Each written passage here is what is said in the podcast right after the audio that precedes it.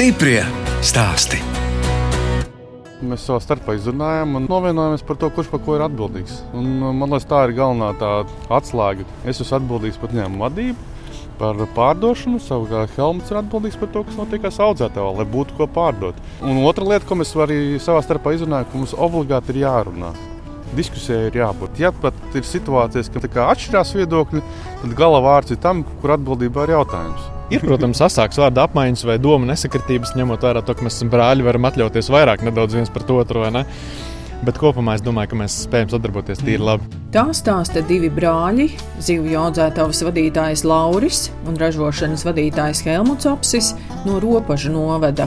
Es, žurnāliste Dāna Zalmane, šoreiz tiekos ar uzņēmējiem, kas astoņu gadu laikā izveidojuši modernu zivju audzētavu, kur audzē lašveidīgās zivis, arktiskās palijas. Latvijā viņi strādā ar zīmolu zivis uz ledus. Zivju audzētavas izveidošanai piesaistīts gan Eiropas Savienības, gan investoru finansējums, un sākotnēji bija iecerē visas zivis eksportēt. Tā kā Covid pandēmija ievies savas izmaiņas, tad tagad arktiskās palīdzes var nopirkt arī Latvijas tirgū. Brāļi Lauris un Helmuts stāsta, ka izauguši Junkrāvā. Mūsu vecvectēvs un iespējams arī viņa vecāki ir no robežiem. Mūsu vecāki sāka strādāt Junkrāvā padomu laikos, un tur mēs savu bērnību esam arī pavadījuši. Mana tēva vecāki dzīvo robežos. Es diezgan daudz vasaras esmu pavadījis šeit pat robežos. Skolas laiks ir Junkrāva, Helmutam arī Junkrāva. Mm -hmm. Īstenībā bērnība, vismaz man, es nezinu, kā Laura, mēs daudz kopā nepavadījām laiku. Jums diezgan liela gadu starpība. Trīs gadi kā nav Trīs. daudz, bet mūsu draugi atšķīrās. Un, uh, man bija laimīga, forša bērnība, un pateicoties jā, mammai un tētim, kas uh, laikam visu izdarīja pareizi, un iespējams pateicoties arī tam, ka bērnība ir bijusi laba. Ja arī šodien varbūt ir vieglāk strādāt un vieglāk tikt pāri kaut kādām uh, grūtībām. Jo mm. tas ir pats galvenais. Bērnam ir vajadzīga vienkārši laimīga bērnība. Tas ir pamats visam dzīvē. Man tā liekas. Jā. Es saviem vecākiem laikam, gribēju teikt paldies par to, ka viņiem vienmēr bija laba humora izjūta. No darba neviens nav baidījies. Mēs esam dzīti biešu vagās, kaplēts, tīrītas, bietas, kartupeļi, govis. Tas viss ir darīts kopš bērnības. Un, uh, tā no darba mēs nekad neesam baidījušies. Es biju piemetināts. Es atceros vienu gadījumu, man bija 4 vai 5 gadi, un man vecāki lika strādāt.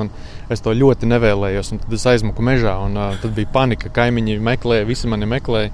Nu, es ko ļoti... var likt darīt tādam mazam bērnam? Jā, man liekas, ka tas nav pareizi, un tas bija mans protests. nu, ko jums toreiz lika darīt? Tie bija īsti lauka darbi, darbi dārzā un darbi kūtī. Principā. Nu, tā jārevē kaut kas bija. Nāceros četru gadu vecumā, kas man bija jādara. Es neatcerēšos. Es gan ļoti labi atceros. Ne ziemā ūdens nešana govī. Bet 4 gadu vecumā tu to nedarīji? Nu, tie bija 6, 7 gadi. Jā, tā bija skola. Ūdens nešana, ziemā, aliņa taisīšana, kāzas, cūkas. Tas viss ir darīts. Mm -hmm. Nebija nemaz doma par to, ka kādam kāds ir jāatalgo. Tas bija normāls process. Mēs vienkārši piedalījāmies ģimenes saka, saimniecības procesos visos. Kas tad jums vecāki bija? Kolekcijas laikos tēvs bija ekonomists, ekonomists un māma zobārste. Jaunā zobārste, kas tika aizsūtīta uz Junkravu strādāt. Tā viņi sapazinās, un tā viņi sāka izveidot ģimeni Junkrā. Tad lēnām garā trīs braši čaļi tika radīti šajā ģimenē. Tad mēs es pa laikam esmu mammai prasījis, kā es par viņu tik galā ar šiem četriem brekšiem, kas mums mājās ir. Viena pati dāma. Tas galvenais bija pabarot, pārējais viss bija kārtībā. Mammai bija izcils humors. Viņa diemžēl pagājušajā gadā nomira, bet uh, ar tikai labākajām domām atceramies. Teica, dzīvo aktīvi šobrīd, dzīvi regulāri piebrauc pie mums, pieskata mūs, vai mēs visu darām pareizi. Pensionārs, mednieks. Visi trīs brāļi mācījās arī mūzikas mūzikas skolā. Lauris spēlēja klārneti. Es gribēju spēlēt saksofonu. Un tajā brīdī, kad es gāju uz muzikas skolu, saksofona nebija tajā skolā. Tad man mēģināja visu kaut ko citu iesmērēt, lai es citu kaut ko spēlēju, lai tikai spēlēju. Tad man deva tubu. Pēc pusgada es teicu, ka nebūs. Bungu nav, spēlēju ksilofonu. Sanāca tā, ka to, ko es gribu, visu laiku nav, tad mēģināju kaut ko citu iemānīt. Un gala rezultātā pabeidzu klarneti. Un trešais brālis, ko tu spēlēji?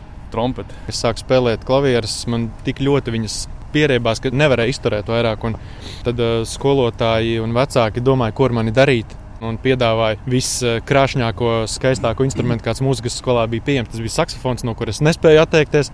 Pateicu, ka es obligātās klavieres nespēlēšu, un visi to pieņēma. Man sanāca tā, ka izņēmuma kārtā man nebija obligāto klavieru mūzikas skolā. Es jau tad nu, laikam parādīju savu, savu jā, man liekas, tas Helmuts tāds brīvdomātājs vairāk. Un Laurija nedaudz jūsu vairāk. Es, mums starp citu uzņēmumā tā arī ir, kad es esmu tāds liels un stabils. Pragmatiskāks. Pragmatiskāks Helmuts savukārt ir uh, nedaudz uh, impulsīvāks.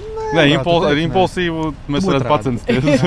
Helmutam tāds plašāks varbūt lidojums. Labi balansējam. Jā. Katrs ar savām galējībām nedaudz, bet rezultātā tas viss labi izbalansējas. Vispār es pēc tam būtu mērķtiecīgs. 9. klasu pabeidzot, es jau zināju, ka es gribēšu mācīties pirmā gimnājā, sasniegt to mērķi, pēc tam banka augstu skolu un tad jau darba pieredze. Kas attiecās uz izglītību, tad es esmu studējis pedagoģiju, mūzikas pedagoģiju un uh, uzņēmējdarbības vadību nedaudz arī. Un kāpēc tā mūzikas pedagoģija? Mūzika ir mans aicinājums vienmēr bijis, un uh, es gandrīz pusprofesionāli savulaik esmu nodarbojies. Esmu mācījis uh, jaunos basģitāristus, es basģitāru spēlēju kādreiz. Likās, ka es būšu ar mūziku saistīts, bet tad vienā brīdī sapratu, ka nebūs manējais. Bet pa vidam bija vēl entās lietas, ko es darīju. Vaicāja, vai zīves un makšķerēšana brāļus interesēja jau kopš bērnu dienām. Ja nemaldos, bija kaut 12, 13 gadi, kad mēs ar draugu uz nakti braucām uz gruntenēm. Vecāki mierīgi mums laida tajos laikos, uzsēžās uz mopēda, brekšus, samus. Neskatoties to, ka manā kontrolē ir izaudzēts teju pāri pa pusmiljonu zivīm, es esmu sasodīts slikts makšķernieks. Man neķerās. bet, pieredzes. jā, es neesmu trenējies makšķerēt. Drusku vēl jāpastrādā šajā nu, jā, virzienā. Bet makšķerēšana un zivju audzēšana tās jau droši vien ir divas dažādas lietas. Ļoti, ļoti dažādas lietas. Es pieņemu, ka braucu makšķerēt, es zivis mājās nevadu. Es noķeru zivi, pasaku viņai paldies. Apakaļ, tieši ja? tā, un man tieši patīk šis process. Es nebraucu makšķerēt dēļ gaļas. Lai tagad vestu mājās kaut kādas trofejas, es tiešām nofotografējos, sabučoju un pasaku paldies, ka deva par šīs labās emocijas. Brāļi Lauris un Helmuts stāsta, ka ideja par zivju audzētavas izveidi uz vecvectāva zemes radās pirms astoņiem gadiem. Mana izglītība ir finanses ekonomists un darba pieredze ir desmit gadi bankās. Darbs ar kredītklientiem, projektu sagatavošanu kredītkomitejām. Man jau izkristalizējās aptuveni tie virzieni, kādi man būtu interesanti, ja es pats taisītu biznesu. Un otrs desmit gadi nostrādāt ir aktīvā pārdošanā telekomunikācijās. Tad, balstoties uz šīs pieredzes, man bija diezgan skaidrs, ka, ja mēs paši kaut ko taisām, tad tam jābūt eksportspējīgam, ražošam uzņēmumam. Tad sākam skatīties, ko vispār Latvijā dara cilvēki zivsaimniecībā. Nu, Kārpas, man liekas, tradicionāli. Tieši Latvijas akvakultūra, kad 80-90% ir dīķsemniecības. Diezgan ātri sapratām, ka dīķsemniecības nebūs tas virziens, kas mums ir interesants. Nākamais solis ir šī reciklācijas tipa audzētavas kas nozīmē to, ka zivis tiek audzētas zem jumta, pilnībā kontrolētā vidē, ūdens tiek ņemts no pazemes. Tam bija pilnībā skaidrs, o, šis ir tas, kas ir jādara. Šim ir nākotne. Ja mēs visi izdarīsim pareizi, tam vajadzētu izdoties. Protams, vienmēr ir kaut kāda riska. Nav simtprocentīgi garantēta uzņēmuma biznesa plāni, kur visu izdara un tam būs kārtībā. Bet uh, bija sajūta, ka šis ir ļoti pareizs virziens. Un arī no šodienas skatu punkta es teiktu, ka tiešām nebija viegls ceļš, nav arī viegls ceļš, bet uh, es teiktu, ka pareizs Es uz darbu braucu ar prieku. Arī Helmets redz, ka viņš. Mēs pavadām tiešām daudz stundu šeit audzētavā, bet mēs to darām ar prieku pirmais ēpasts, eh, pirmais impulss tālākai kustībai, kad vispār nebija saprotams, ko mēs vēl darīsim, bija 2013. gads, kad sākās vispār pirmā komunikācija ar, ar somu kolēģiem un Latvijā ar dažiem cilvēkiem, kas mūs saved ar somu kolēģiem Jā. kopā. Oficiāli mēs esam nodoti eksploatācijai 19. gada decembrī. Tad redz, cik ilgs bija tomēr tas sagatavošanās? Gatavošanās darbs bija ļoti ilgs, jo nu, jāatcerās to, ka zināšana nebija. Bija jābrauc jāmācās. Norvēģija, Dānija, Somija, vizītes uz citām audzētavām. Tas diezgan ilgs laiks. Plus vēl diezgan ilgs laiks aizgāja uz investoru piesaistīšanu, projektu iesniegšanu, sagatavošanu, būvniecību. Tas viss tiešām aizņem ļoti, ļoti, ļoti daudz laika. Un tie investori tad ir no kuras valsts? Mums ir divi strateģiski investori. Viens ir Ziemeļvalstu valdību veidots zaļais fonds, kas ir saistībā ar Nefko, un otrs investors ir Salmala grupa, kas viņi skatījās šajā zivju audzēšanas virzienā, un uh, viņa eksperti ir uh, viņa darbinieki, kas dizainē mūsu audzētāju. Nu, Lauri, te droši vien noder tās jūsu zināšanas un pieredze bankā. Pavisam noteikti. Jā, jo arī šiem somu partneriem bija jautājumi, nu, kas tie brāļi ir tādi, vai viņiem vispār var uzticēties, vai kopīgi var kaut kādu projektu lielu taisīt. Tās kopējās investīcijas ir gan lielas, cik, vairāk kā 2 miljonu kopējais projekts. Arī viņiem bija bažas par to, vai tam būs kaut kāds pozitīvs gala iznākums. Tad, Jāteic, jā, ka uh, mana iepriekšējā pieredze gan pārdošanā, gan bankās, un arī neatlaidība un precizitāte darbos ļāva nopelnīt šo kredītu, kad mēs gan uzticam cilvēku, ko ir vērts kopā veidot biznesu. Tie, protams, bijuši vājuma brīži, bet tas ir normāli. Bet uh, lielos vilcienos mēs neesam šaubījušies un esam ļoti pārliecināti par to, ka esam izvēlējušies pareizo ceļu un uh, šķiet, ka visu darām pareizi. Stiprie stāstī!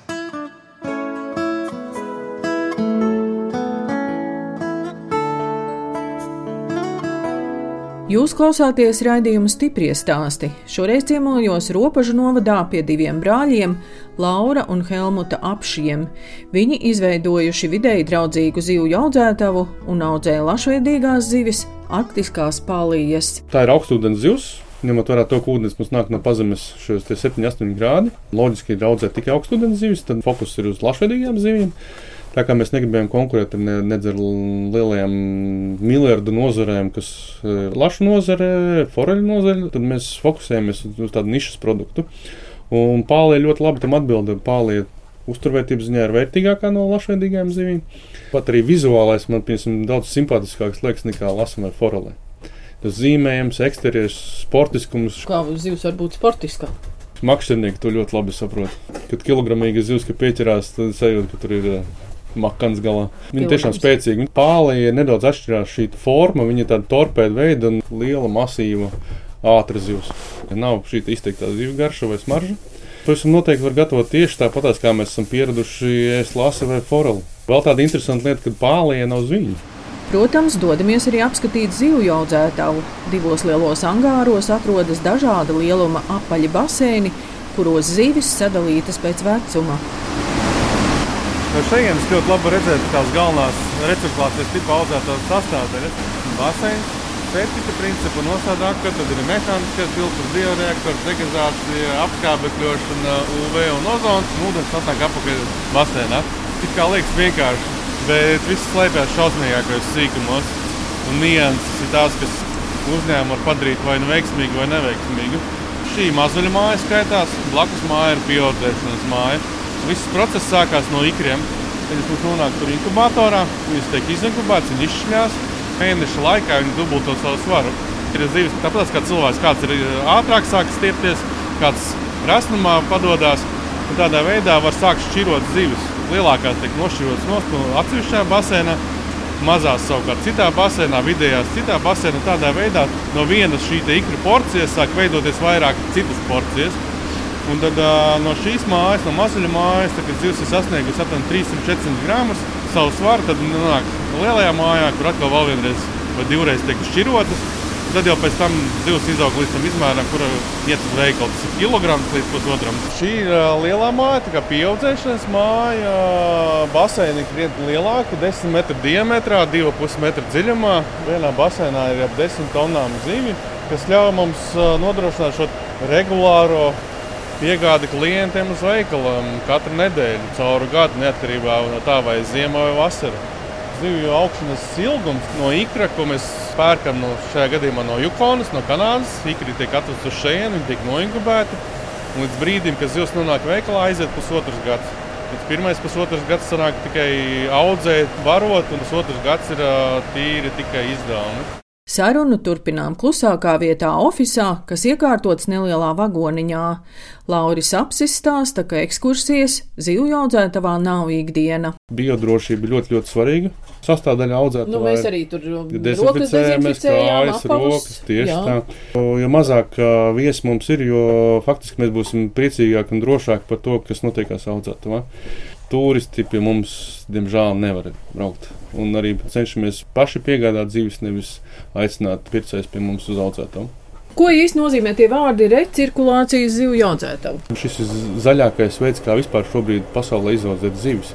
Jo ūdens tiek ņemts no pazemes, ir mūsu divi dziļurbumi, kas ir 100 metru dziļumā. Attiecīgi, ūdenī nav ne mikroplasmas, ne smago metālu, kas ir atvērtos ūdeņos. Visa Baltijas jūra pilna ar smagiem metāliem. Pēc tam, kad zivs tiek audzētas, ūdens tiek attīrīts un atdots atpakaļ tīrs. Vienīgais mūsu piesārņojums ir CO2, kas tik un tā ir sešas reizes zemāk nekā lielopam. Tas ir zaļākais veids, kā vispār izaudzēt zivis. Tas ir tīrākais veids, kā var izaudzēt zivis. Daudz cilvēku nemaz nezina par mums, ka tiešām Latvijā var izaudzēt augstas kvalitātes, augstvērtīgu produktu, kas ir garšīgs un kas nekādā veidā neatšķiras no tā, kā citur pasaulē to dara. Mēs esam tieši tas pats līmenis. Un, uh, Alternatīvs variants ir šo zivju audzēšana krātiņos, kā piemēram Norvēģijas uh, lasis tiek audzēts. Vienkārši matemātikā, cik daudz zivs apēd, tik daudz zivs arī izkakā. No organika, kas no zivīm paliek pār, tas pat tās arī atvērtos ūdeņos paliek. Ja tas būtu mazos apjomos, tad tas būtu gana noderīgi priekš okeāniem un jūrām. Fosfors slāpeklis, kas ir planktoniem, simpāniem noderīgs, bet tas ir pārāk lielā daudzumā, tas jau veidojas kā piesārņojums. Man nav ne mazāko šaubu, ka agri vai vēl šī atvērtās tipa audzētavas, kas ir krāpņos audzētās zivis, viņus piespiedīs kāpt ārā no jūras, un šīs audzētavas būs uz sauszemes. Jo tādā veidā mēs patiešām varam rūpēties par dabu. Lai uzbūvētu šo zivju audzētavu, divas lielas ēkas, droši vien, ka jums ir Eiropas nauda. Jā, jā bez Eiropas finansējuma šādu projektu būtu sarežģīti realizēt. 50% no lauka atbalsta dienas tika saņemti būvniecības izmaksām kas ir tiešām labs stimulators šāda projekta veidošanai. Nu, jūs teicāt, ka arī jums tā celtniecība noritēja tā ļoti interesanti. Reizē būvēja, un jūs uzreiz arī gribējāt pārbaudīt. Kopš 90. gadiem Latvijā projekti bijuši gan daudz, bet tā īsti neviens nav bijis patiešām veiksmīgs. Un tas, ko mēs mainījām pieejā, ka mazuļu māja tika uzbūvēta pirmā.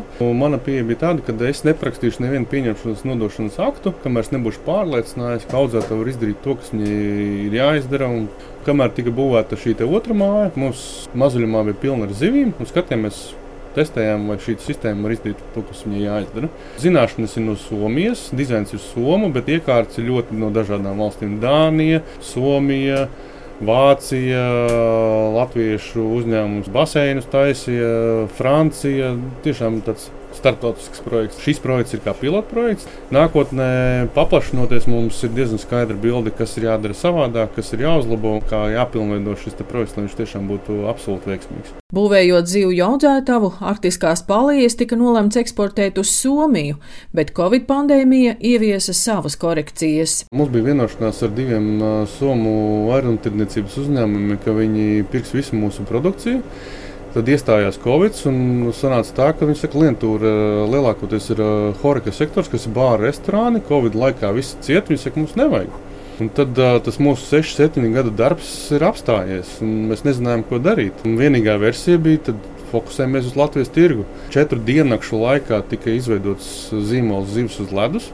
No šodienas skata punkta teiktu, ka ļoti veiksmīgs gājiens. 70% no mūsu realizācijas šobrīd ir Latvijā. Latvijas tirgu vērtējām kā potenciālo tirgu un sapratām, ka zivs ir ļoti maz pazīstama. Reti kurš cilvēks par zināja, kas ir artiskā pālī.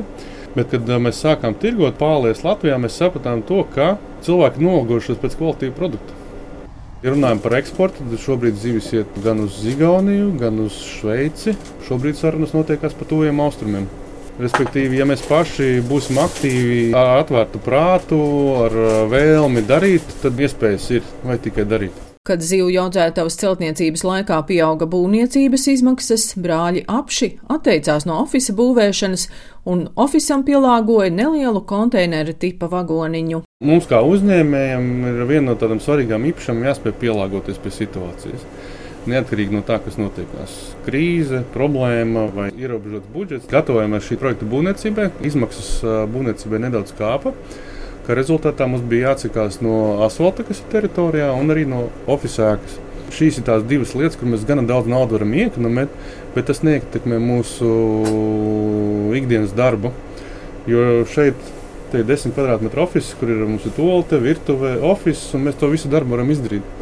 Bet, Lauri, tomēr šie riski, nu, kā jūs teicāt, atnāca Covid un pēkšņi apstājās eksports. Riski ir un viņi vienmēr būs. Un, uh, krīzes agrāk viņas bija retāk un varbūt uh, gana lielas. Tad šobrīd ekonomika rāda, ka krīzes ir ievērojami biežāk un neparedzamākas. Tāpat kā šī šobrīd ir energokrīze. Uzņēmējiem viena no galvenajām īpašībām ir, ka mums jāspēj pielāgoties. Sliktākais, ko mēs varētu izdarīt, ir salikt rokas klēpī un teikt, ka viss ir slikti. Mēs neko nevaram, lai gan lielākās iespējas radās krīzes laikā. Jo mēs esam spiesti mobilizēties un domāt par to, kā pielāgoties. Bieži vien krīzes laikā atrodas tādas idejas, kurām mēs pat iepriekš nebūtu zinājuši vai iedomājušies, un viņas bieži vien izrādās ļoti, ļoti efektīvas. Nu, tomēr šī energo krīze plāns par saules paneļiem, kas mums bija paredzēts pēc nākamo divu, trīs gadu laikā, tiks realizēts ievērojami ātrāk. Uz problēmām var skatīties kā uz problēmām, bet daudz vērtīgāk, jo uz visām problēmām mēs skatāmies arī kā uz pieredzi. Jo pieredze ir pieredze, neatkarīgi no tā, vai viņa ir pozitīva vai negatīva. Ja mēs spējam no šīm problēmu situācijām izlobīt šo mācību, tad tā būs bagāža, ko mēs varam likt lēnā garā līdzi un kas mums nākotnē vienmēr var noderēt.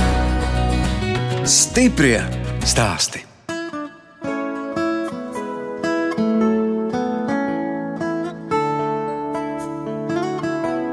Jūs klausāties raidījumu stipri stāstī. Turpināt ciemoties pie brāļiem Laura un Helmuta apšiem, kas robežu novadā izveidojuši zivju audzētavu un divus gadus audzēja arktiskās palijas.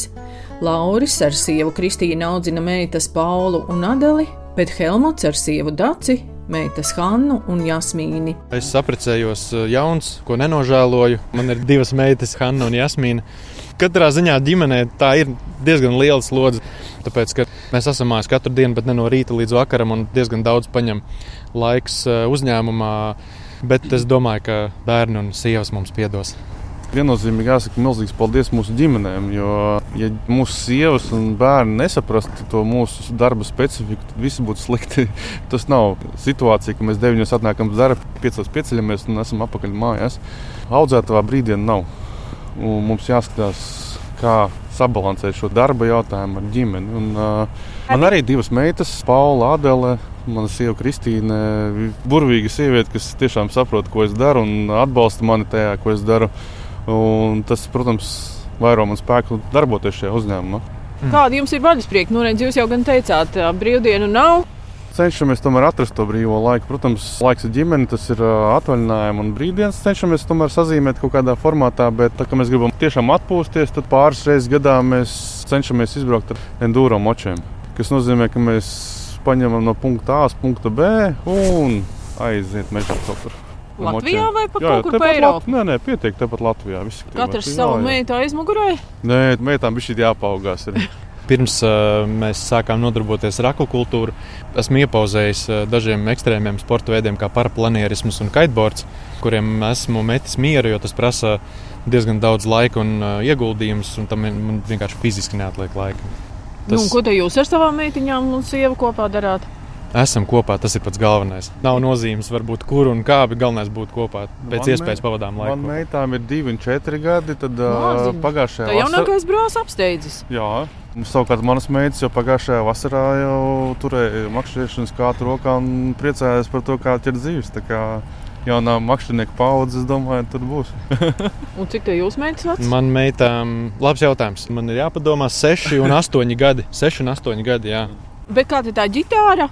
Nu, jā, nu, es... Serenādes spēlēt. Nē, uz basģitāras serenādi ah. pagrūti nospēlēt būs. Ritmu. Tas ir ritma instruments vairāk, jā, muzikāls ritma instruments. Nu, esmu metis tam mieru, ģitāru pārdevu, un tā lieta ir beigusies, bet es neizslēdzu iespēju, ka vienā dienā es varētu uz skatuves parādīties jaunā amplitūnā, kā akvakultūras speciālists, bazitāris. Bet, nu, labi, es par to beigās neesmu godīgi sakot, domājis. Man šobrīd tā nav aktualitāte meitas uz mūziku nevirzāt? Man Hanna, vecākā meita, spēlē violi, un jaunākā meita arī septembrī sāks muzicēt. Vēl nezinu, kādu instrumentu, bet sāks muzicēt.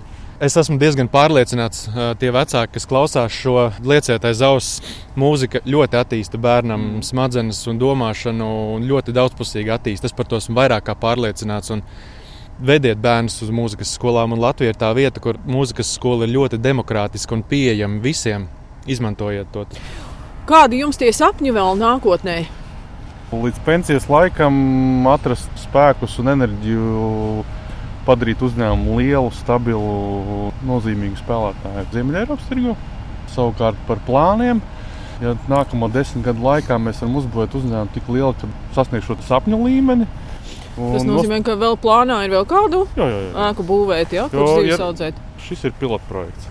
Salīdzinājumam, ražošanas jaudas mums ir 110 tonnas gadā. Priekš Latvijas tas ir daudz, bet piemēram, priekš Vācijas tirgus, lai ieietu kaut kādā vienā tirdzniecības veikala ķēdē, jāražo kā minimums 500-600 tonnas gadā. Ja mēs gribam strādāt vairākos tirgos, tas nozīmē, ka ražošanai jābūt vismaz 1000-1500 tonnām gadā.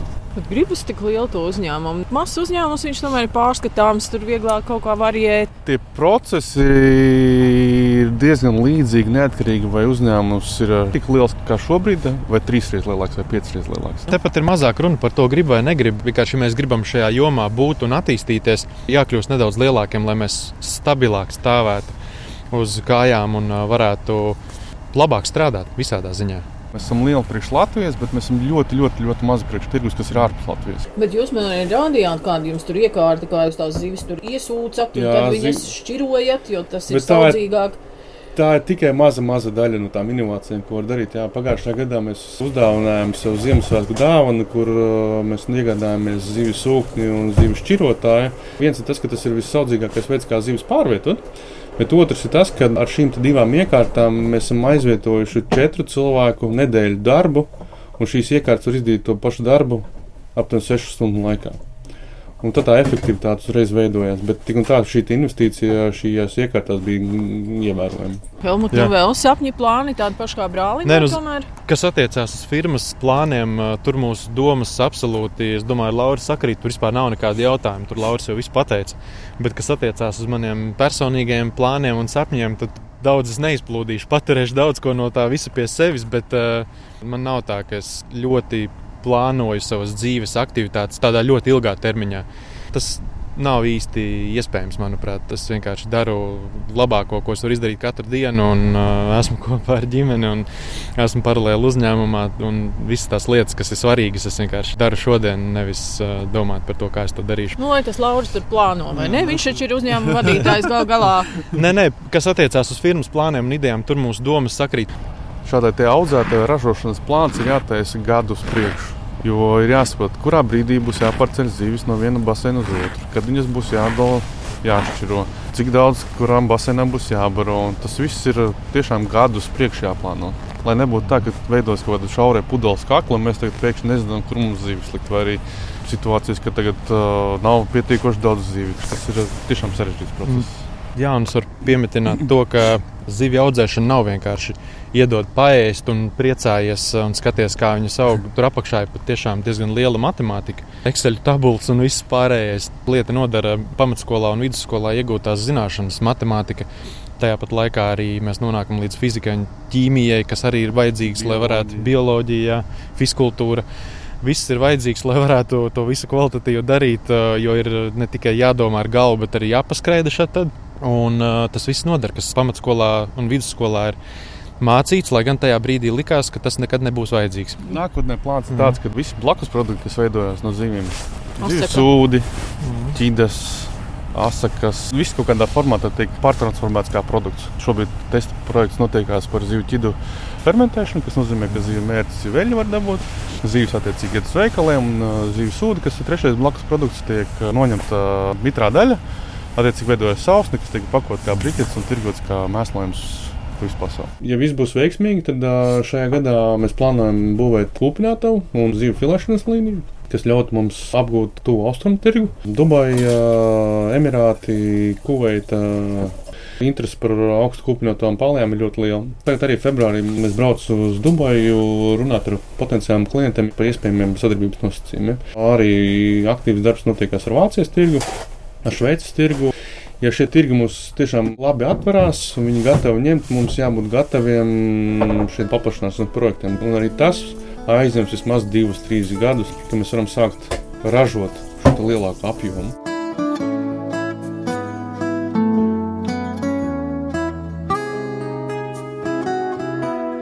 Redījums stipri stāsti izskan, un mēs atvadāmies no brāļiem Laura un Helmuta apšiem, kas robežu novadā uz vecvectēva zemes uzcēluši zivju audzētavu un jau divus gadus audzē lašveidīgās zivis, arktiskās palijas, kuras Latvijā tirgo ar zīmolu zivs uz ledus.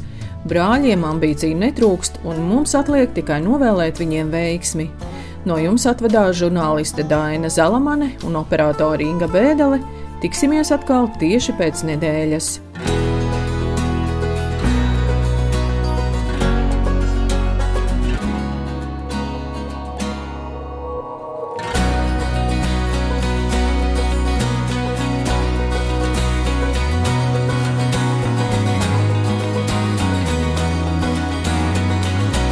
Stiprie stāsti.